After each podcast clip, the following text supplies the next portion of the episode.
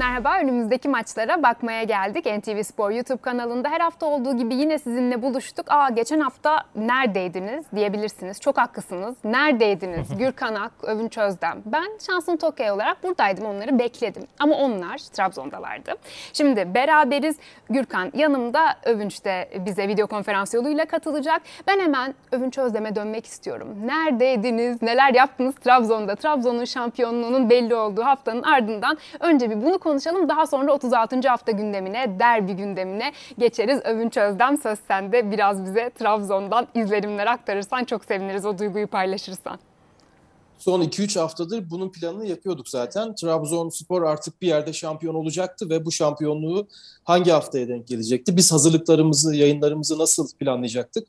Onun çerçevesinde geçtiğimiz hafta artık bir puan alması gerekiyordu, yetiyordu kendi evinde Antalya Spor maçında.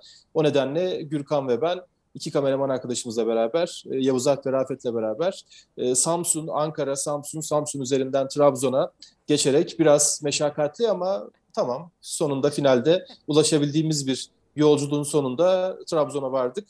E, o kadar hızlı ve o kadar e, kalabalık, o kadar enerjisi yüksek bir haldeydi ki Trabzon aslında çok da net hatırlamıyorum. 48 saat geçen 3 günü bulan bir e, dönem zarfında, zarfında oradaydık ama e, hangi ara uyuduk, hangi ara şehir merkezinden stada geçtik, e, hangi ara yemek yedik, hangi ara yayınları yaptık. Gerçekten oradaki o enerji, oradaki o insanların o sabırsız hali, o şampiyonluk sonraki sonrasındaki kutlamaları şehrin tamamen tüm o kaldırımlarına kadar, tüm o sokaklarına kadar işlemişti. Bu durumda ortaya Trabzonspor'un 38 yıl sonra yakaladığı şampiyonluğu getirdi.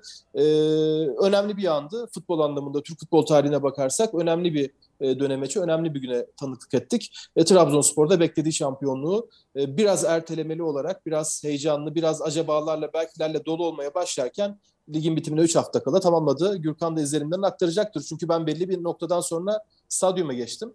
E, Gürkan şehir merkezinde kaldı. Oradaki heyecan, oradaki insan sayısı ve kalabalık daha fazla olduğu için e, orada durum daha farklı olmuş olabilir.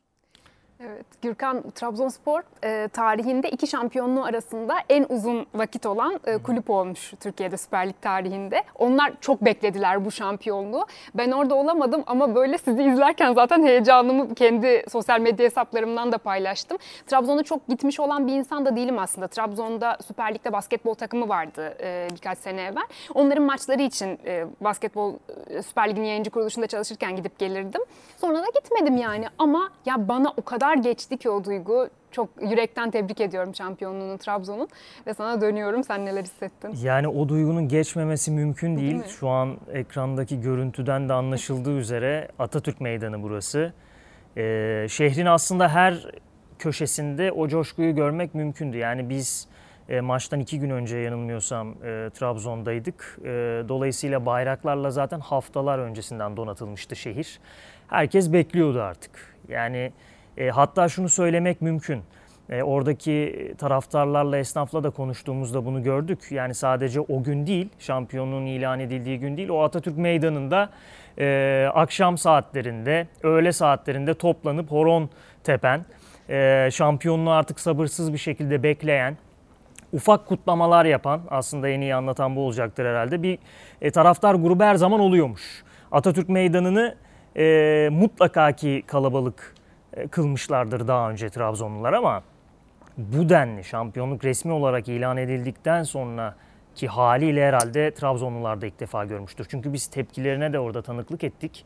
Ee, orada bir restoranın e, balkonunda, küçük bir balkonunda çektik bütün gece e, görüntülerimizi ve tabii ki e, insanların yer bulamaması, kendine alan bulamaması gibi durumlarla karşılaştık. Çok enteresan sahneler vardı. Yani sokak lambalarına tırmananlar, ağaçlara tırmananlar bir kişi de değil.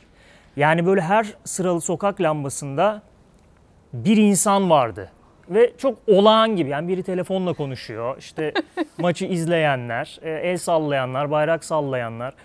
İnanılmaz görüntülerdi. Yani gerçekten çok şaşırdık biz. Trabzonlular da çok şaşırdı. İşte bulunduğumuz restorana e, iftar için yemeğe gelenler e, balkona çıkıp o sahneyi görmek istiyor. E, çıkıp bu ne burası Trabzonlu diyen e, çok kişi gördüm yani. E, e tabi kolay değil. dile kolay yani 38 yıllık şampiyonun ardından 800-850 bin civarındaki bir nüfus ikiye katlanıyor. Atatürk Meydanı'nı öyle görüyorsunuz. Bir yerden sonra artık kalabalıktan yayınlarımızı yapamaz hale geldik. Çünkü... Övünç'ü araba eziyordu ya. Evet o stadyumun oradaki e, karmaşa artık internetler çekmiyor, telefonlar çekmiyor. Bizim e, yayını aktardığımız cihazlar çalışmamaya başladı bir noktada kalabalıktan. Dedik ki farklı bir yer bulalım. Hani daha sakin en azından tepeden belki uzaktan görürüz. Yok gittik orada da çekmiyor. Orada da kornalar inanılmaz bir andı. Yani e, şehrin her köşesine dağılmıştı o kalabalık. Öyle Övünç Özlem yayına bağlandığında ki haber bültenini de ben sunuyordum ama ben önümdeki böyle küçük evet. bir ekrandan görüyorum Övünç'ü. Ben onu hakikaten bir arabanın yanaştığını görmedim. Bir anda böyle bir ekrandan gitti Övünç sonra geri geldi. Kafası karıştı işte onu da şey olarak açıkladı. Ya kusura bakmayın hani burası çok kalabalık ben e, bazen kafam karışabiliyor. Ne oldu biri gitti herhalde falan dedim. Bültenden bir çıktım araba eziyordu adamı araba diyor. Ama sakinliği Övünç'ün. ee, sevgili şansın, sevgili şansın kafam karışmadı. Sadece oradaki karışıklık nedeniyle izleyicilerimizden ve senden tabii ki yayını modere eden, o anda bülteni modere eden e, insan olarak özür diledim. Bir kafa karışıklığı yok. Sadece hemen e, tekrar kadraja girme çabası vardı. Onu da kameramanımız Yavuz Alp Yamaner e, büyük tecrübesiyle, yılların verdiği ustalıkla hemen kadraja tekrar yerleştirdi beni ama arabalar kaldırımdayım ben yani. Ve o kaldırıma park edemezsiniz çünkü tek şehir tek şerit bir yol orası. Oradan dönüp acaba benim yayın yaptığım yerin arkasında bir park edebilir miyim çabası. E sonra orası bir de pro- protokol yoluydu. E, o nedenle orayı boş bıraktılar ama tabii stadyum da kontrolü kaybetmişti. Yani insanlar dururken sabit şekilde Gürkan biraz önce bahsetti. Bir anda horon oynamaya başlıyorlar. Bir anda tezahürat yapmaya başlıyorlar. Ama 10 saniye öncesinde ya işte dün akşam da annemler geldi, yarın sabah da bakalım çocuğu okula götüreceğim. Bir anda bu muhabbetin ardından farklı bir konu açılmadan e, tezahüratlar başlıyor. Böyle bir durum vardı. E, dün e, hafta sonu Trabzon'da yaptığımız yayınlarda da söylemiştim. Biz e, ben kendi adıma 2000'li yılların başından bu yana Trabzon'daki, Rize'deki maçları takip etmek için de Trabzon'a gidiyorduk. Her sene neredeyse gittik ve oradaki futbolun ne anlam ifade ettiğini o ezber dışında da yaşayarak görüyoruz ve hep aklımızın bir köşesinde ya bir gün Trabzonspor şampiyon olursa buradaki millet bu sürekli bize her merhaba dediğimiz, her selam verdiğimiz Trabzonspor ne olacak diye cevap veren insanlar ne yapacak diye düşünüyorduk. Beklentilerimizi karşıladılar. O sokak lambasının üstüne çıkıp e, her gün zaten Atatürk Meydanı'na gidip ben sokak lambasının üstüne çıkıyorum abi zaten tavrıyla hareket eden insanlardan tut da e, normal telefonla konuşurken, yolda yürürken bir anda horon tepmeye başlayan, tezahüratta bulunmaya başlayan insanların tepkisi e, bize bunu gösteriyordu ve e, tekrar tekrar söyleyelim 38 yıl çok uzun bir süre. Bursa Spor'un şampiyonluğunda da oradaydım ben. Bursa'daydım.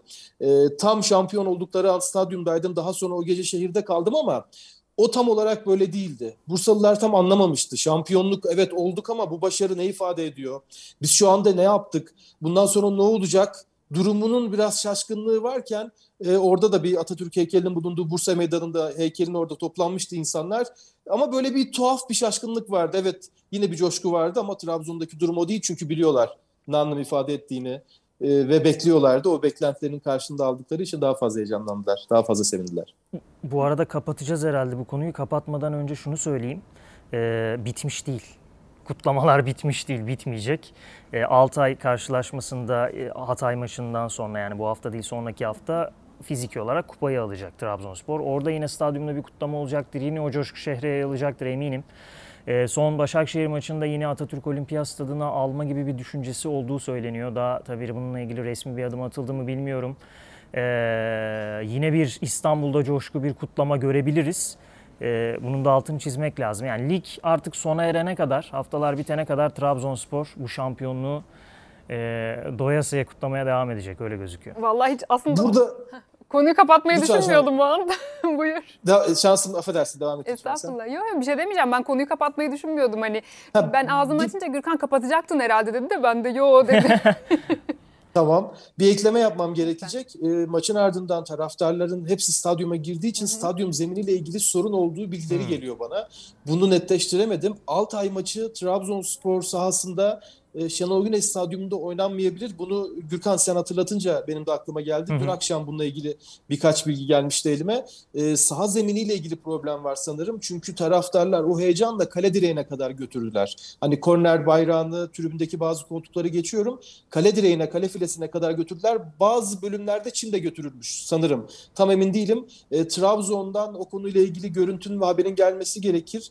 E, bunu netleştirmemiz için. Trabzon Altay maçını kendi evinde oynayamayabilir fiziki şartlardan dolayı. Belki o karşılaşma da İstanbul'da oynanabilir ama onlar da kupayı Trabzon'da almak isteyeceklerdir. Trabzonspor'da ona bir bakmak lazım. Bir de bazı oyuncularla konuştum. E, maçın ardından hem salı günü hem de dün konuştum.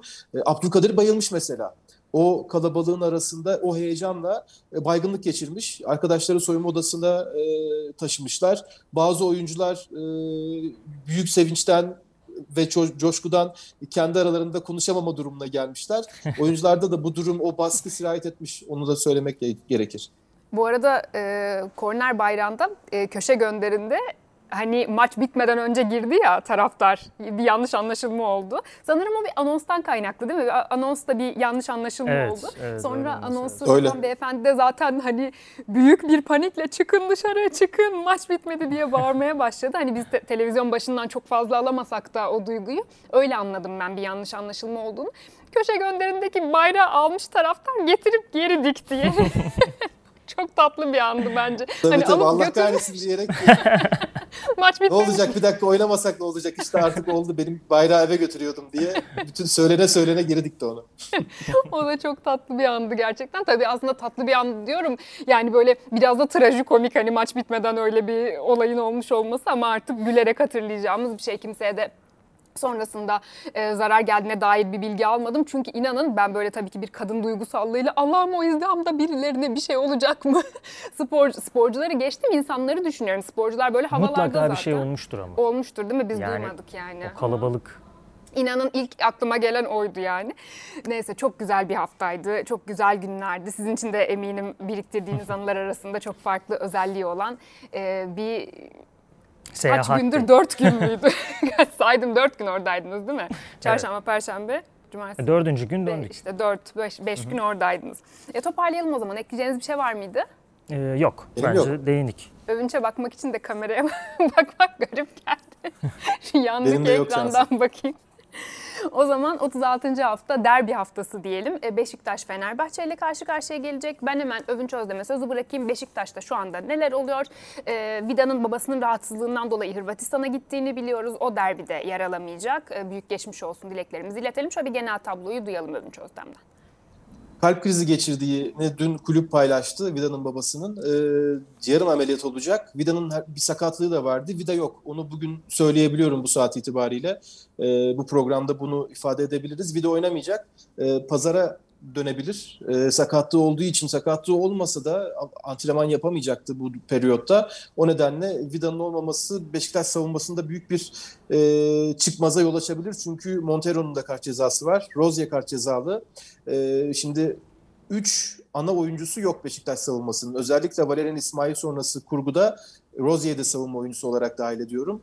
E, bu isimlerin yokluğunda şimdi hemen mantık ve Beşiktaşlı taraftarlar biz Beşiktaş haberi yapanlar aklımıza Necip ismi geliyor. Ama Necip'i klonlaması gerekecek bu maçta. Çünkü Necip stopere mi koyulacak, sağ beke mi koyulacak? E, tam olarak orta sahaya gelip orada Souza ve Atiba'ya veya başka bir oyuncu oynarsa ona yardım mı edecek? O yüzden e, sağ nasıl kotaracak onu merakla bekliyorum. Yarın bir antrenman var. Orada tekrar bakacağım duruma ama Necip şu anda savunma merkezinde olacak gibi gözüküyor. E, Wellington bir tarafında, Serdar bir tarafında, Ersin Kale'de o üçlü savunmayı böyle kurtaracak sanırım. E, başka da şansı yok. Atiba'yı, Soğuza'yı çekmesi biraz e, ciddi sıkıntılara yol açabilir hocanın böyle tercihi. Çünkü Soğuza'nın daha önceki stoper performansları çok da iyi değildi. Atiba da bir süredir o savunma içinden daha çok son 2-3 yıldır kendini bir hücum oyuncusu 8'den 10'a evrilecek bir hücum oyuncusu noktasına getirdiği için o da biraz zor. E, Can Bozdoğan da sakat bu arada. O da oynayamayacak. E, Can'ın da yokluğu var. E, Umut Meraş iyileşebilir. E, Umut Meraş iyileşirse eğer sağ tarafa Rozier'den boşalacak pozisyona Umut'u e, Umut'a forma vererek orayı kotarabilir Valerian İsmail. O zaman da Sağda Umut, solda Rıdvan bekleriyle başlayacak. E yine iyinin kötüsü. Evet yapacak da bir şey yok. Montero kart cezalısı, Rozier kart cezalısı, Vida sakat, e, Can Bozdoğan sakat. O nedenle böyle bir durumda bu şekilde elinizdeki en iyi kadroyu çıkartabilirsiniz. Kerem Kalafat biraz sürpriz olur. E, genç Sabek, e, genç de değil aslında 22-23 yaşında artık ama Beşiktaş'ta çok fazla oynama ezberi yok Kerem'in. Bilmiyorum antrenman performansında konuşup inanırsa e, Kerem senden Rozier'in yaptıklarını yap, yapmanı istiyorum derse ve Kerem'den olumlu bir geri dönüş alırsa belki Kerem'le de başlar. Umut'u orada oynatma riskine girmez. Çünkü Umut'u orada oynatmak biraz risk. Fenerbahçe'nin de birazdan Gürkan bahsedecektir. Oyuncuların karşılayacakları oyuncular hem Samuel hem Ferdi e, savunma olarak, savunma bekleri olarak gözükseler de, savunma kanatları olarak gözükseler de hücum öncelikleri yüksek olan ve hızlı olan oyuncular. O biraz Beşiktaş'ı e, zora düşürebilir. Yine orta sahada ben beklerden bahsettim Fenerbahçe'nin. Orta saha oyuncuları, kanat hücumcuları da Beşiktaş'ı zorlayacaktır. O nedenle e, oraya bir çözüm arayacak. İleri tarafta da Batshuayi, Gezal, Larin olabilir. %45'lerin %55 Enkudu. Enkudu'nun da iki gol atmasıyla beraber ilk 11'de başlayabilir Fenerbahçe derbisine. E, geri kalan orta sahada Can Sakat, Can da kesin oynamayacak Fenerbahçe derbisinde. E, Souza'nın yanında yerli kontenjanı üzerinden bir sorun yaşamazsa Atiba'yı da e, oraya monte edebilir. Pjanic çok zor. Pjanic artık çünkü teşekkür etmiş yani. Hem Beşiktaş'a teşekkür etmiş hem futbolu da teşekkür etmek üzere andığım kadarıyla. E, geçtiğimiz günlerde galiba Sinan abi, Sinan Engin de Beyaz Futbol'da söyledi. Acun Ilıcalı'nın şu anda Survivor e, halı saha takımı oyuncusuna dönüşmüş durumda. E öyle. Yani Kasımpaşa maçında çok büyük hayal kırıklığı. Yani kariyeri Beşiktaş'a geldiğinde kendine verilen payeler, şu an için e, takım içerisinde kendisine gösteren saygılar ve karşılığı oyun olarak performans olarak çok kötüydü. E, Pjanic çok zor 11'de oynam oynaması çok zor görüyorum. Oyuncuların Beşiktaş'taki durumunu konuştuktan sonra ben hazır övünçte pas atmışken Gürkan'a döneyim. Fenerbahçe'deki Hı-hı. eksikleri de burada konuşalım. Daha sonra iki takımdaki diğer başlıklara tekrar devam ederiz. Aslında Fenerbahçe'de sakatlar biraz daha net. E, Crespo, Pelkas ve Zalai'nin sakatlıkları e, ciddi boyutlarda. Dolayısıyla e, tabii Zalay biraz daha Crespo ve Pelkas'a oranla şanslı sayılabilir. Onda bir kol çıkması oldu ama tabii bir ödeme sebebiyet veriyor ve e, hani e, antrenman yapma sıkıntısı yaşıyor bu konuda. E, sargıda geziyor kolu. E, dolayısıyla sezonun geri kalan kısmında Zalay'ın riske edileceğini zannetmiyorum. Crespo ile Pelkas'ın zaten oynayabilme ihtimalleri yok. E, kırık, oluşan kırıklar ve bağ yırtıkları nedeniyle e, bağ yırtığı yanlış, kas yırtığı diyelim Pelkas'ınkine ayağının alt bölümünde. E, Mesut ve Ozan Tufan hala kadro dışı o kararda hala bir değişiklik yok. Dolayısıyla derbiyi de es geçecekler. Serdar Aziz'in de cezası var. Merak edilen iki oyuncu vardı. Kim Minje ve Osayi Samuel, e, Minje dün antrenmana çıkmadı. E, ama ciddi bir problemi yok. Sadece tedbir amaçlı. Bazen bazı futbolcuları bir efor testi, performans testi yapılır ya. E, ölçümler düzenli olarak, rutin olarak yapılır. Bazen işte o değerlerde e, sıkıntılar tespit edilebiliyor. Yani bir kas grubunda fazla yorgunluk veya bir kasılma veya farklı bir problem tespit edilebiliyor. Böyle bir durum var Minje'de. E, dün düz koşu yaptı. Büyük ihtimalle bugünkü antrenmanda takımla çalışacaktır diye tahmin ediyorum. Derbide oynayacaktır. Benim Fenerbahçe'de stoperde e, Minje Tisran'ı yan yana göreceğimizi tahmin ediyorum. Sol bekte Ferdi'yi görürüz. Sağ bekte Nazım evet son Antep karşılaşmasında iyi bir performans ortaya koydu ama Samuel da dün takımla çalıştı. Dolayısıyla yine e, sağ bekteki pozisyonunu alabilir. Onun dışında e, Crespo'nun olmadığı hafta Gustavo Zayt ikilisini görmüştük yan yana. Yine büyük olasılıkla Gustavo Zayt olacaktır orta saha e, da merkez bölümü. E, savunma yönü en azından. İleride opsiyonlar var. İrfan, Mert Hakan, Rossi üçlüsü ya bozulmayabilir ya da belki Mert Hakan'ın yerine İrfan kaydırılıp Nazım sağ bek, Osayi sağ kanat pozisyonunda değerlendirilebilir ama Serdar Dursun'un yeri e, kesin. Fenerbahçe çok değişmeyecek. Yani zorunlu değişiklikler dışında çok fazla değişmeyecek kadrosu. Övünç Özlem, Rıdvan Yılmaz'ın durumunu soracağım. Beşiktaş gündeminden devam ederken. Rıdvan gidiyor mu? Gidiyorsa e, nasıl, nereye? Beşiktaş ne düşünüyor? Çok büyük ihtimalle çok büyük ihtimalle sezon sonu Rıdvan'ı farklı bir takıma transfer olmuş durumundayken izleyeceğiz gibi geliyor. Ee, biraz cümle de tuhaf oldu. Neyse açayım bu tuhaflığı anlamlandırmaya çalışayım. Şimdi bir ay önceydi galiba veya 3 hafta önce programda konuşmuştuk. Rıdvan'a 10 farklı takım e, ve 6 ülke teklifler getiriyordu ve o zamanlar teklifler oluşma aşamasındaydı. İzliyorlardı pardon ve teklif getireceklerdi. Şimdi onlardan ikisi teklif getirdi. Almanya'daki kulüp Antra Frankfurt'tu. Geçtiğimiz hafta Beşiktaş resmi teklifini sundu. İtalya'daki kulüp de Torino'ydu. E, İskoçya'da Glasgow Rangers vardı. E, Portekiz'de Braga vardı. Belçika'da Anderlecht vardı. E, İspanya'da e, Real Sociedad vardı. E, onun dışında Fransa'da Lyon vardı. Bu kulüpler bir şekilde Rıdvan'ı takip ederken bir taraftan da diğer oyunculara da bakıyorlardı ama Torino ve Antre Frankfurt resmi teklifini Beşiktaş'a sundu. Torino'nun teklifi 4 milyon euro bonservis bedeli, daha sonra Rıdvan'ın Torino'da oynayacağı ki 5 yıllık sözleşme imzalamak istiyorlar. Torino'da oynayacağı yıllar içerisinde göstereceği performansa bağlı yapılacak ek ödemeler. Bunun da toplamı maksimum 1 milyon euro içeriyor. Ortalama 5 milyon euroluk bir e, bonservis bedelinden bahsediyoruz. Ve %20 bir sonraki satışından pay. Antre Frankfurt'ta aşağı yukarı aynı, Torino'da aynı teklif ve aynı şartlar. E, biraz ek ödemeler daha düşük Antre Frankfurt'ta ama burada e, Torino'nun hem Rıdvan'la olan diyaloğunda hem de Beşiktaş'la olan diyaloğunda daha fazla istekli olduklarını, daha fazla transferi gerçekleştirmek için e, çaba sarf ettiklerini, gösterdiklerini biliyorum. Bu geri dönüşü hem Beşiktaş almış hem Rıdvan tarafı almış. Bunu da bana aksettirdiler. Torino olabilir. Ama bir taraftan da dün Ahmet Nurşebi'nin yaptığı bir açıklama var. Beşiktaş Başkanı Milliyet Gazetesi'nde Bilal abiye Bilal Meşe'ye yaptığı röportajda Rıdvan'a ben Rıdvan'dan 10 milyon euro istiyorum gibi 10 milyondan aşağı vermek istemiyorum gibi evet teklifler var dedi. Böyle bir durumu ortaya koydu. Rıdvan'ın haber tarafını anlattık. Başkanın bu söylediği ne ifade edecek ona kısa ona kısaca değinelim. Şimdi Rıdvan'ın sözleşmesi önümüzdeki sene bitiyor. 23 2023 Haziran ayında. Bir yılı var takımla beraber şu anda ve bu sene Dünya Kupası olduğu için devre arası Kasım ayında gelecek.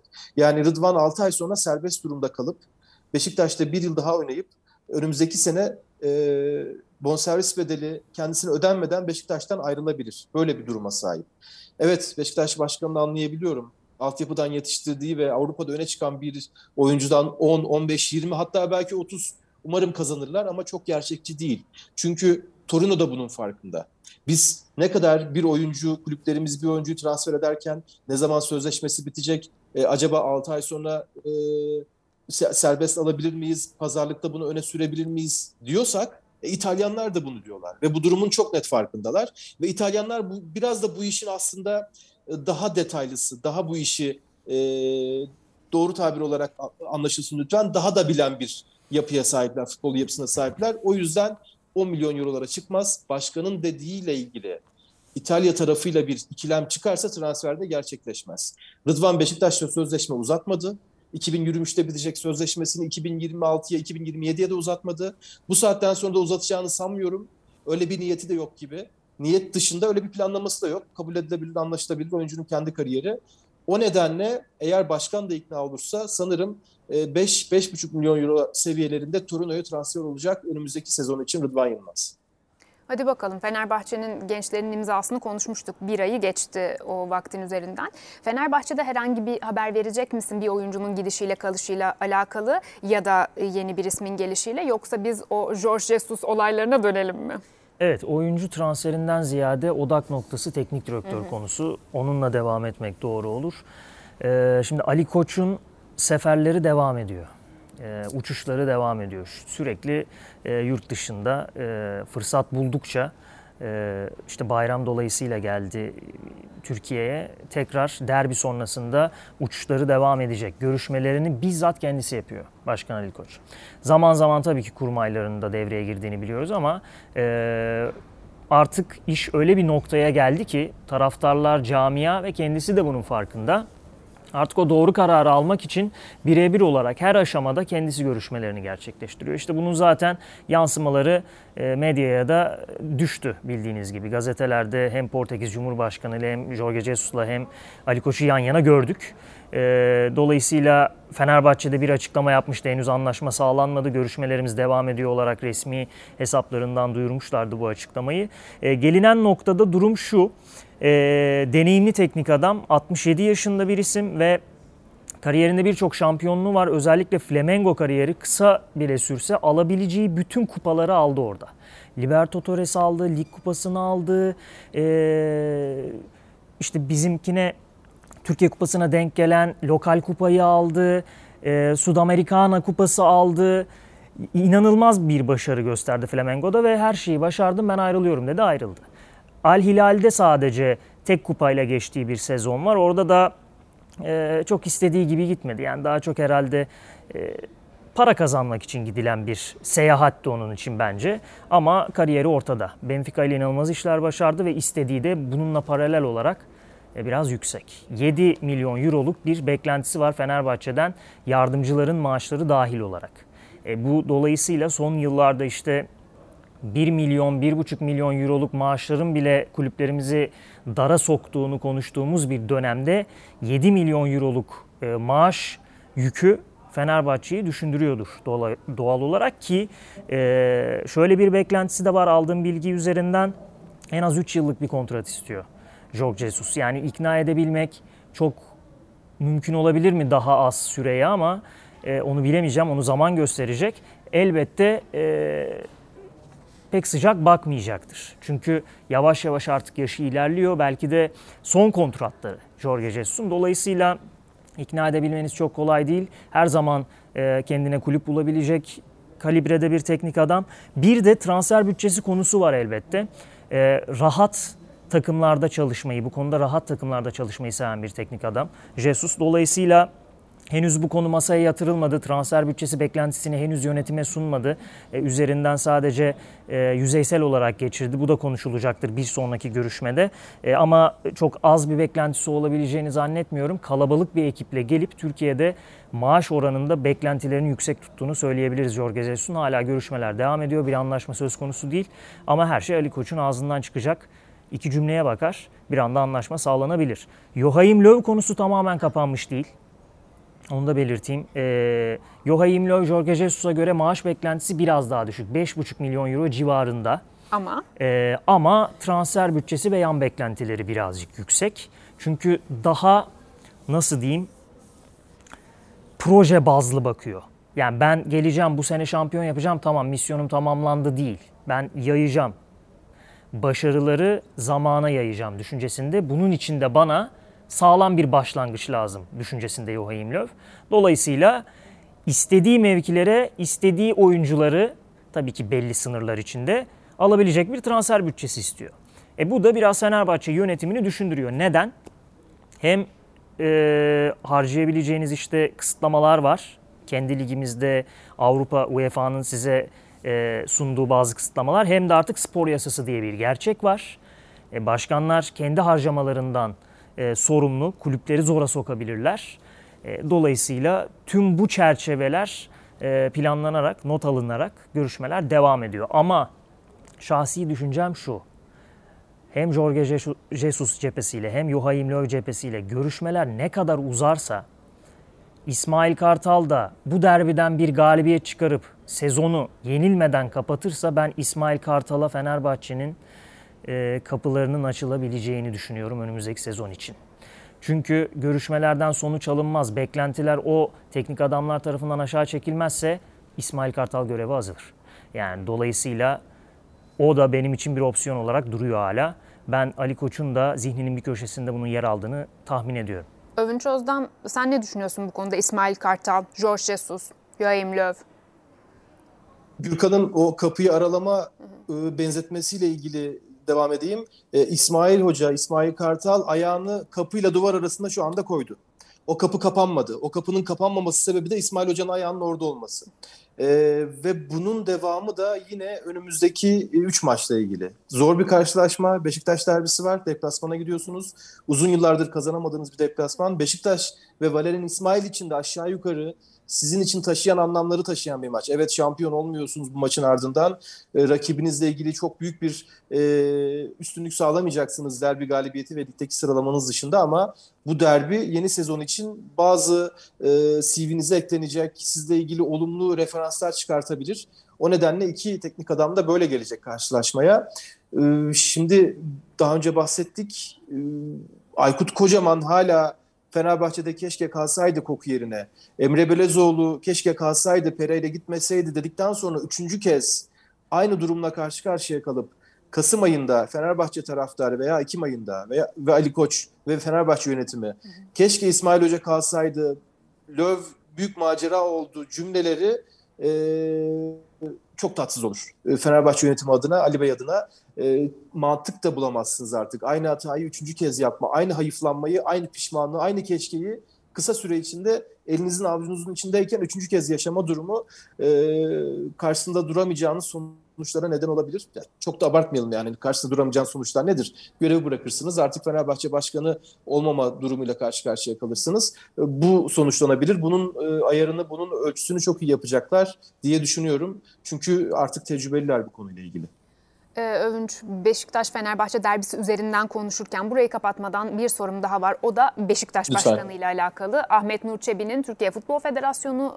Başkan adaylığı ile ilgili bir tasarrufu var mıdır?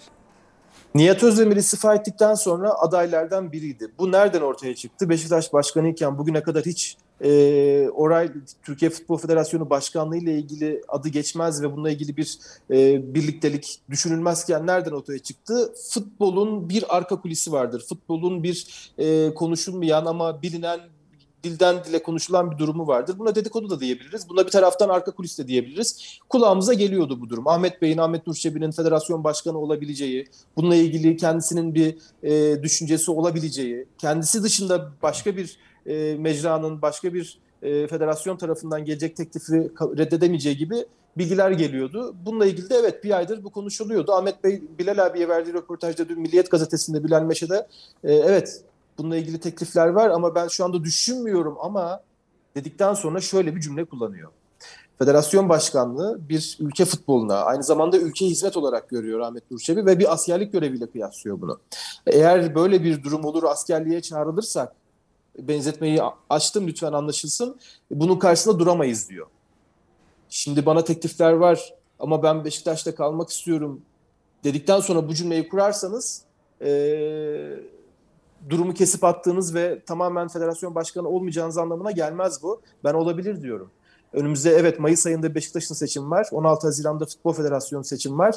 Mayıs ayına da iki hafta var. Bu iki hafta durumu takip edeceğim. Ee, yaşanacak gelişmeler Ahmet Nur Şebi'nin e, bahsettiğim o kendisine gelecek teklifleri reddedememe halini de göz önünde bulundurarak federasyon başkanlığı seçimine girebilir. O zaman Beşiktaş başkanı kim olur? Şu an için öngörmek zor ama bu ihtimal var. Hayır kesinlikle olmayacak demiyorum. Düşük ihtimaller. Üzerine şu anda konuşup değerlendirebileceğimiz ihtimaller. Ben bunu bilgi ve kesin ifade olarak kullanmıyorum ama böyle bir durum söz konusu. Bir sonraki hafta daha da detaylandırmış oluruz ama bunu. Güzel. Şimdi Galatasaray'a dönelim. Onlar da e, Başakşehir deplasmanında olacaklar. Galatasaray karışık. Galatasaray'da e, torrent belirsizliği devam ediyor. Bir yandan hocanın da bir takım huzursuzlukları bize yansıyor. Bazı ifadelerinde net ve keskin e, bazı duygular geçiyor açıkçası bize. Sen çok daha güzel yaparsın yorumunu. Galatasaray-Torrent ilişkisi şu an nerede? Ee, öncelikle artık belirsiz kavramından biraz uzaklaştı. Yani onu biraz daha söylemek lazım. E, artık tablo net. E, Torrent'te yollar ayrılacak. Ama ne zaman? Bunun görüşmeleriyle yapılıyor. E, aslında şöyle söylemek lazım. Son oynanan ve kaybedilen Sivasspor karşılaşmasının ardından basın toplantısında e, ki ifadeleri Galatasaraylı taraftarlar tarafından da tepkiyle karşılanmıştı. E, geldiğimizde kulüp bomboştu ifadesinin altı ve bunun altını doldurdu. İşte e, soruldu ne ne açıdan boştu diye. E, çalışma ortamının e, yetersizliğinden bahsetti orada Torrent. Yani ben geldiğimde hiçbir şey yoktu dedi. Yani direkt olarak bunu söyleyebilmek bence büyük açık sözlülük. Artık bu dobralıktan çıkmış bir durum. Çünkü mevcut yönetim, Burak Elmas yönetiminin e, yönetimine de bir göndermedir bu bence biraz. Dolayısıyla Burak Elmas ve yöneticiler de bu konuşmadan biraz rahatsız oldular. E, ortada bir gerçek var. Gerçekten kötü bir gidişat var Galatasaray'da. E, Torrent her ne kadar bunu kabullenmese de yani kabul ediyor mu bilmiyorum. Çünkü açıklamalarında sürekli bir savunma mekanizmasına geçtiğini e, görmeye başladık, fark etmeye başladık. E, dolayısıyla o görüşmeler yapılıyor. İlk görüşme yapıldı. E, Burak Elmas, Torrent'in temsilcisiyle görüştü ve beklenti şu. Torrent bütün alacaklarımı istiyorum diyor. sadece benim değil yardımcılarımın da bütün alacaklarını istiyorum. Şaşırdın mı? Şaşırmadık. Beklenen bir tablo. Çok da normal. Yani Torrent Galatasaray'ın bir efsanesi değil. Torrent'in Galatasaray'la bir e, göbek bağı yok. Gönül bağı yok.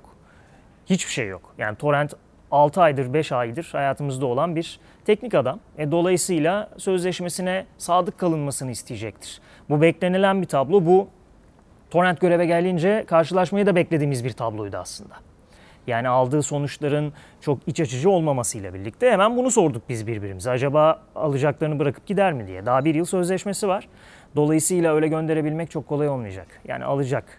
Evet pazarlık masasında bazı indirimler belki yapılabilir ama çok fazla indirim yapacağını zannetmiyorum. Bence alabildiği maksimum tutarı alır. Torrent ayrılır. Öyle gözüküyor. Ee, aslında niyetlerden biri Başakşehir maçından önce yolların ayrılabilme ihtimaliydi. Ama Torrent'in bu kesin ve kati yaklaşımı bunun önüne set çekti. Büyük olasılıkla Başakşehir maçında sahada olacak gibi. Hatta takım içinde de Torrent'in artık gelecek sezon olmayacağı e, konuşuluyor. E, dolayısıyla futbolcuları da etkileyecektir bu durum. Çünkü yine yeni bir düzen ortaya çıkacak. Torrent konusu bu ama kesin olan bir şey var. Torrent önümüzdeki sene Galatasaray'da artık olmayacak. E, artık yeni teknik adamlar bakmaya olacak başlayacak. peki? Adaylar, başkanlar o konuda karışık. Yani kim olacak sorusundan gidelim. Ee, Okan Buruk hazırda bekliyor şu an. Metin Öztürk, başkan adaylarından Metin Öztürk zaten bununla ilgili çok net ifadeler kullanmıştı. Hatta daha da ileriye gitmek gerekirse eğer başkan Metin Öztürk olursa Galatasaray'ın yeni teknik direktörü Okan Buruk olacak. Bunu net olarak söyleyebiliriz. Okan Buruk hazır. Okan Buruk sadece Metin Öztürk'ün değil, e, Eşref Hamamcıoğlu'nun önceliği değil ama belki istediği görüşmelerde bu tamamen öngörü ya da tahmin öyle söyleyeyim bilgi değil. Yabancı teknik adam görüşmelerinde istediği sonucu almazsa Okan Buruk her yönetimle çalışmaya hazır. Bunu net olarak söylemek lazım. Ama Metin Öztürk seçilirse kesinlikle Okan Buruk olur Galatasaray'ın hocası. Bunun dışında eee, Başkan Burak Elmas konusuna da bir değinelim. Biraz hızlanarak gidiyorum izninle. Ben de tam gülümsedim çünkü tam onu soracaktım. Baş- Evet. yani hani kim başkan olacak diyorsun ama belki Burak Elmas. Neyse ben bir şey demeyeyim. Burak Elmas aday olacak mı? Ya şöyle bir durum var. Şimdi 11 May- e, 11 Haziran'a kaldı artık Evet. E, seçimler. Dolayısıyla 20 Mayıs'a kadar listelerin teslim edilmesi lazım. Süreç tekrar başladı. 15 gün var. Her şeyden e, her şey bir kez daha başladı. Mevcut adaylar Metin Öztürk ve Eşref Amamcıoğlu da yeniden listelerini divan kuruluna teslim etmek zorunda. Yeni adaylar da çıkabilir. Her şeyin önü açık artık. Bu arada e, Metin Öztürk ve Hamamcıoğlu'nun listelerinde de bazı değişiklikler olabilir. Onu da belirteyim. Özellikle Metin Öztürk'te kesinlikle değişiklikler bekliyorum. Ama Hamamcıoğlu'nda da olursa şaşırmam e, listelerde. Burak Elmas konusunda da başkan şu an düşünme aşamasında diyebilirim. E, görev süreci boyunca geldiği tabloda kısa vadede e, istediklerini başaramamış olması, e, kulübün içinde bulunduğu durum ve bunu kendini sorumlu hissetmesi normal olarak, e, taraftarların ve camianın e, Burak Elmas'a olan bakışı tüm bunlardan rahatsız.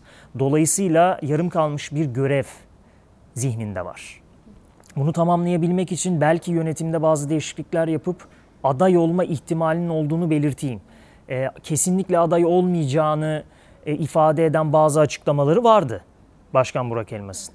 Ama süreç içinde tablonun nereden nereye geldiğini görürsek, bunu gözümüzün önüne getirirsek hala e, Burak Elmas'ın bir adaylık durumunun söz konusu olabileceğini de söyleyebiliriz. Düşünme aşamasında onu söyleyebilirim. E, önümüzdeki günlerde netlik kazanabilir. Ha şu anki tabloda aday olmama ihtimali daha yüksek olabilir ama bir köşede e, eğer kafasındaki listeyi oluşturabilirse bir anda ben de seçimde varım diyebilir Burak Elmas. Bunun altını çizmek lazım. Takımlarımız üzerinden, maçlar üzerinden bilgiler paylaşmaya çalıştık sizlerle. Şimdi de mevcut gol krallığı yarışı üzerinden biraz konuşmak istiyoruz. Süper Lig'de gol krallığı yarışında durum nasıl bunu paylaşacağız sizinle. Ee, Gürkan ayrıca son 5 sezonun gol kralları ile ilgili de bir e, küçük bir grafik hazırladı. Onu da paylaşacak. Şu an itibariyle 15'er golde bulunan 4 oyuncu var.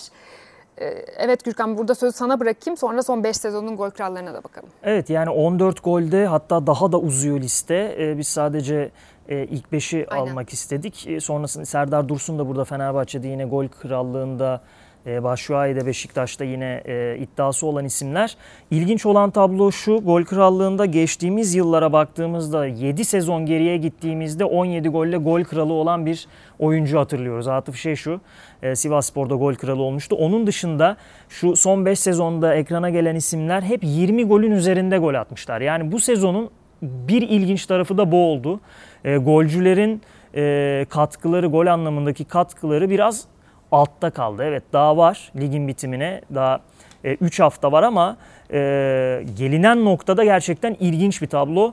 E, şunu da görebiliriz herhalde çok daha eskilere dönmedim. Yani 10 sezon, 15 e, sezona baktığımda en fazla 17 golle işte Semih Şentürk de hatta 17 golle gol kralı olmuştu bir anda eğer bir suskunluk olursa son 3 haftada yine en az golle şampiyon olunan, e, düzeltiyorum gol kralı olunan e, sezonu da yaşayabiliriz. Bu açıdan enteresandı. Asist krallığında enteresan bir detay var yine. Edim Visca ismi öne çıkıyor. 12 e, asistle şu anda zirvede. E, 2017, 2018, 18, 19, 19, 20. 3 sezon üst üste asist kralı olmuştu. Edim Visca. Araya bir boşluk koydu. Şimdi yine asist kralı olma yolunda emin adımlarla ilerliyor. E, bu da artık onun kalitesine mi vurgu yapalım, e, oynadığı takımlardaki sistem uyumuna mı e, övgü yapalım bilemiyorum. Yani inanılmaz iş çok disiplinli bir insanmış. Yani çok istikrar bir de yani inanılmaz bir istikrar. Zaten istikrarın adı bence ve e, aynı zamanda kişisel yaşamında da çok çok disiplinli olduğunu zaten çalıştığı hocalardan zaman zaman hep duyduk arkadaşlarından da. Yani özel zaten özel bir oyuncu, özel bir oyuncu olması istatistiklerine de yansıyor. Bir de Cornelius'la ilgili bir şey söyleyeceğim. Bir not almıştım. E, Trabzonspor'un şampiyonluğuna dair aldığım notlar arasındaydı aslında bu. O da Cornelius'un 2012-2013 sezonundan bu yana en golcü lig sezonunu geçiriyor olması. O zaman 18 gol atmış yani 10 sene işte 9 sezon evvel. Hı hı. Yani onda da öyle bir detay vardı. Övünç'ün burada eklemek istediği bir şey var mı ona da sorayım. Yo Viska bu sezon özelinde biraz da Batshuayi'ye teşekkür edebilir. E, asist krallığında öne çıkmasıyla ilgili olarak. E, Gezal'a kusura bakma e, sevgili Gezal diyebilir. E, detaylar zaten ve ne demek istediğim anlaşılıyordur galiba. Güzeldi evet teşekkürler. Gayet e, güzel yerine gitti diyelim ve dönelim e, Şampiyonlar, Şampiyonlar Ligi. Ligi'ne dönelim. Finalin adı Liverpool Real Madrid oldu. Dün yani sosyal medyada iki kelime futbola doyduk, futbola doyduk. Her yerde aynı şeyi gördüm gece. Zaten böyle ikiye, iki buçuğa kadar yine uyuyamadım. Sabah erken kalkacak olmama rağmen. Ee, Övünç Özdem, Real Madrid 4-3 yenildiği maçın rövanşını aldı. Hem de böyle iki dakika içinde toparladı maçı yani geride olduğu evet. mücadeleyi. Manchester City'yi uzatmalarda 3-1 yendi. Finale de yükseldi. Ee, nasıl bir maçtı? Nasıl doydun futbola? Real Madrid'e ufak bir sızıntı verirseniz e, onların anlayacağı sizi yenmeyle ilgili e, hafif bir cesaretlenme anı verirseniz sizi e, mindere sererler. Real Madrid, Bayern Münih, Juventus. Bence Avrupa'nın 3 en büyük kulübü bunlar ve bunlara karşı oynadığınızda, bu 3 kulübe karşı oynadığınızda tabii ki arkasından 10 kulüp, 15 kulüp daha hızlıca sıralayabilirim. Ama bu 3 kulüp e, neredeyse 100 yıl aşkın süredir bu işleri yapıyorlar. E, 100 yıl aşkın süredir e, hep bu seviyelerdeler. E, özellikle Real Madrid birinci sıraya koyuyorum. Artık evet 100 yılın e, 19 2000'li yılların başında yapılmıştık galiba böyle bir kıyaslama. E, yüzyılın en iyi kulübü e, kimdi? Real Madrid seçilmişti. Evet öyle yani. Yapacak bir şey yok. E, devam ettiler. 5 e, tane gol attınız, 4 tane deplasmanda yediniz. Hala üstüne geliyorsunuz. 100 milyon euro verdiğiniz Grealish'i 75'te oyuna alıp e, sol açıktan üstüne gelmesine e, sağlıyorsunuz. Ama orada Mendy topu çizgiden çıkardı 89'da. O bir cesaret anı Oradan geri döndüler. E, Rodrigo'yu unuttular derken zaten golü yedikten sonra paralize oldu Manchester City. Dayanamazsınız. İspanya'da, Bernabeu'da e, Real Madrid karşısında o açığı verdiğinizde yere serilmeye hazır olduğunuzu hissettiğinizi anladığı anda sizi yere serip kaldırıp tekrar yere serer Real Madrid. Dün onu yaptılar. Böyle. Bu kulüpler böyle maalesef. Yapacak bir şey yok. Manchester City adına maalesef. Bizlik bir şey yok. Manchester City üzülsün yani. Öyle. Yere serdiler. Çok net yani. Ancelotti de böyle bir rekoru yazdırmış oldu haznesine. Ya tarih, tarih yazmıştı zaten. Aynen. Tarih yazmaya da devam ediyor. İşte 5 büyüklükte şampiyon olan tek teknik adam. Biz bunları e, bilgisayar oyunlarında yapıyoruz. Ancelotti gerçek hayatta yapıyor. Yani inanılmaz bir başarı. Şampiyonlar Ligi'nde en çok finale kalan. Evet evet ya gerçekten enteresan. Tabii Ancelotti deyince burada bir şeyden bahsetmek istiyorum. Çünkü Ne? Yani yıllardır hep Ancelotti denildiğinde hep aklıma iki fotoğraf geliyor. 98'e Bilmiyorum ekrana verebilecek miyiz? ya 1998 yılı ben tabii o zamanlar daha 9-10 yaşındaydım ama e, takip ettiğimiz futbolu olan aşkımız o zaman çok daha başka seviyelerdeydi. Dolayısıyla hep zihnimde bir yer etmiş. E, hala da tabii yıllarca hep Ancelotti deyince bu iki fotoğraf gelir e, insanların aklına da eminim. E, şöyle hikayesinden biraz bahsetmek lazım. Belki bilmeyenler, hakim olmayanlar vardır. 1998 yılında Aziz Yıldırım başkanlığındaki Fenerbahçe bir teknik adam arıyor. Tartışılmayacak bir teknik adam arıyor. E, günümüz tabiriyle. E, Hala Ancelotti'yi de de doğru hala aynı aslında. E, Ancelotti ile de görüşmek istiyor Aziz Yıldırım. Tabii Ancelotti o sıralarda Parma'da çalışıyor ve aldığı e, ücret cüzi 550 bin euro civarında bir maaşı var. Aziz Yıldırım Lirettir o komutanlık- zaman. İtalyan lireti de. Evet, evet. Euro değildir değil mi? Güzel. Doğru, nostalji, para- doğru, güzel Para birimi detay. nostaljisi. Ee, Mark da olabilir. Neyse susuyorum. susuyorum. Önümüzdeki 3 yıl susuyorum şu anda tamam. Sonrasında temas kuruluyor. Fenerbahçe'ye davet ediliyor ve işte 550 bin e, kazanan bir teknik adama 3 milyonluk bir rakam teklif ediliyor. E, tabii ki görüşüyor Ancelotti ama çok da istekli değil Türkiye'de çalışmaya. Sonrasında çok büyük ısrarlar Aziz Yıldırım adamlarını gönderiyor. E, ikna etmeye çalışıyorlar. Gel bak bir tesisleri gez. Biz gerçekten hani bilinenin çok daha üstünde bir kulübüz. Bizde çalışırsın bence. Bir şekilde ikna edip Türkiye'ye getiriyorlar. Ancelotti'nin tek bir isteği var. Diyor ki Aziz Yıldırım'a bu görüşmeden benim tesisleri gezeceğimi, e, geleceğimden kimsenin haberi olmasın. Aziz Yıldırım tabii canım diyor "e, sen gel bakarız. Uçakla iniyor. Bir çıkıyor havalimanından 3000 kişi atkılar, bayraklar, marşlarla, tezahüratlarla e, Ancelotti'yi karşılıyorlar. Kafasına şapka takıyorlar atkı. Klasik. Ancelotti neye uğradığını şaşırıyor. Yanında eşi de var. Ondan sonra hiçbir şey de diyemiyor tabii. Sonra gidiyor tesisleri geziyor. Ee, dönüyor İtalya'ya. Bir cevap bekliyor tabii ki Fenerbahçe tarafı, Aziz Yıldırım tarafı. O sırada Juventus'tan teklif alıyor ve Parma'da da şöyle sözleşmesinde bir madde var. Juventus'tan teklif gelirse giderim. Zaten çalışmak istediği bir takım. E, maaşı da artacak. Ama Juventus'un o an teklif ettiği ücret Fenerbahçe'nin teklif ettiğinin altında. Aziz Yıldırım'a diyor ki Juventus bana teklif yaptı. Maaşı da sizinkinden yüksek. Aziz Yıldırım diyor ki tamam ne veriyorlarsa iki katını veriyorum. Daha da arttırıyor. Diyor ki sınırsız uçak bileti isterim. Tamam diyor gel. Özel bir araç isterim. Gel. Hepsine tamam diyor Aziz Yıldırım. Nasıl reddedeceğim, nasıl olacak derken Juventus'la imzayı atıyor Ancelotti ve Fenerbahçe'yi reddetme görevini eşine bırakıyor. Eşi de arayıp sizle çalışmayacak diyor. Çok enteresan hikaye. Yani o günden 98'den bugüne geldiğimizde Ancelotti'nin bu noktada oluşu e, şu an bir numara diyebiliriz. Yani Alex Ferguson'ları falan geride bıraktı. Beş büyüklükte şampiyonluk, işte Şampiyonlar Ligi finaline en çok çıkan teknik adam ünvanı inanılmaz, muazzam iş. Nasıl olurdu acaba övünç kariyeri eğer Fenerbahçe ile anlaşsaydı Yani- 98'de? Türkiye'de iz bırakırdı. O yıllar çünkü teknik adama e, daha fazla alan bırakılan yıllar gibi aklımda zihnimde. Belki transferler ve belki e, Fenerbahçe'de olmasıyla ilgili Türkiye'deki büyük kulüplerden birinden bahsediyorum. Olmasıyla birlikte iz bırakacağı kesin ama e, kendi kariyerini başka şekilde devam ettirdi. E, Mourinho dayanamadı. Pep Guardiola evet Bayern Münih, Barcelona, e, Manchester City'de başarılı oldu ama 5 büyük kulüpte ve bunu son 30 yıldır yapıyor Ancelotti. Milan'da 2000'lerin başı, daha sonra Bayern Münih'te 2010'lar, Chelsea'de 2000'ler 2010'lar arası 5 farklı ligde yapıyor olmak artık bir ispat. Alex Ferguson örneğini verdi.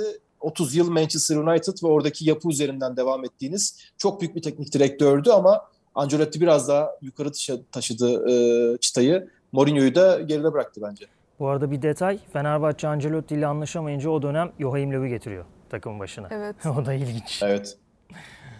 Ee, Öyle Kapat- şeyler var. kapatmak üzereyiz ama vermek istediğim bir fotoğraf daha var. Paylaşmak istediğim ya daha doğrusu iki fotoğraf. Tabii benim çok kalbimi kazanan fotoğraflar bunlar. Thomas Müller'in fotoğraflarından bahsediyorum. çok iyi, evet. Çok çok güzel gerçekten. Yani bu haftanın böyle en güzel olaylarından biri. Bayern'le sözleşmesini çocukluk odasında imzaladı. Yani 2000 yılında Aynen. daha 10 yaşındayken altyapıya giriyor işte. Zaten hep orada biliyorsunuz. Şimdi de 2024'e kadar yeni sözleşme imzaladı. Yine bu çocukluk odasında yatağında tabii ki bende duygular fora. Yatakla güzel. aradaki dolap arasındaki su ayrıntısına kadar dikkat etmişler bu arada. Evet ya şimdi onu diyecektim. Oradaki su şişesini bile yerleştirmişler. E, Bayern Münih karşılığı e, Thomas Müller. Tam bir Bavyeralı, tam bir e, Bayernli, Münihli pardon. Hissediyorsunuz onu konuşma Almanca aksanında da var o. E, Almanya'da yaşayanlardan da duyduğumuzda ben o kadar ayırt edici özelliklerini konuşamam, anlatamam ama biliyordum bunları. E, tam bir Bavyeralı olduğundan bahsederlerdi. E, kariyerinin sonuna kadar da Bayern Münih'te oynayacak gibi. 89 doğumlu, 32 yaşına geldi. Hı hı. 2 yıl daha kontrat, 34 belki bir yıl daha yapar. Bayern Münih'te bit- bitirecek 650 küsür maç, e, 290'a yakın gol. E, Çok önemli bir oyuncu ve 12 şampiyonluğu var. E, O da çok e, tarihe geçecek kendi adına. Çok önemli bir isim. Veda edelim mi Gürkan? Yavaş Edelim. yavaş. Edelim artık çünkü 50 dakikayı da Uzadık. geçmişiz. Evet bugün uzadık artık. Kusurumuza bakmayın. Geçen hafta yoklardı, gitmişlerdi. Beni bırakıp Trabzon'a gitmişlerdi. O yüzden bu hafta biraz uzadık. Teşekkür ediyoruz bizlerle olduğunuz için. Şimdilik hoşçakalın diyelim.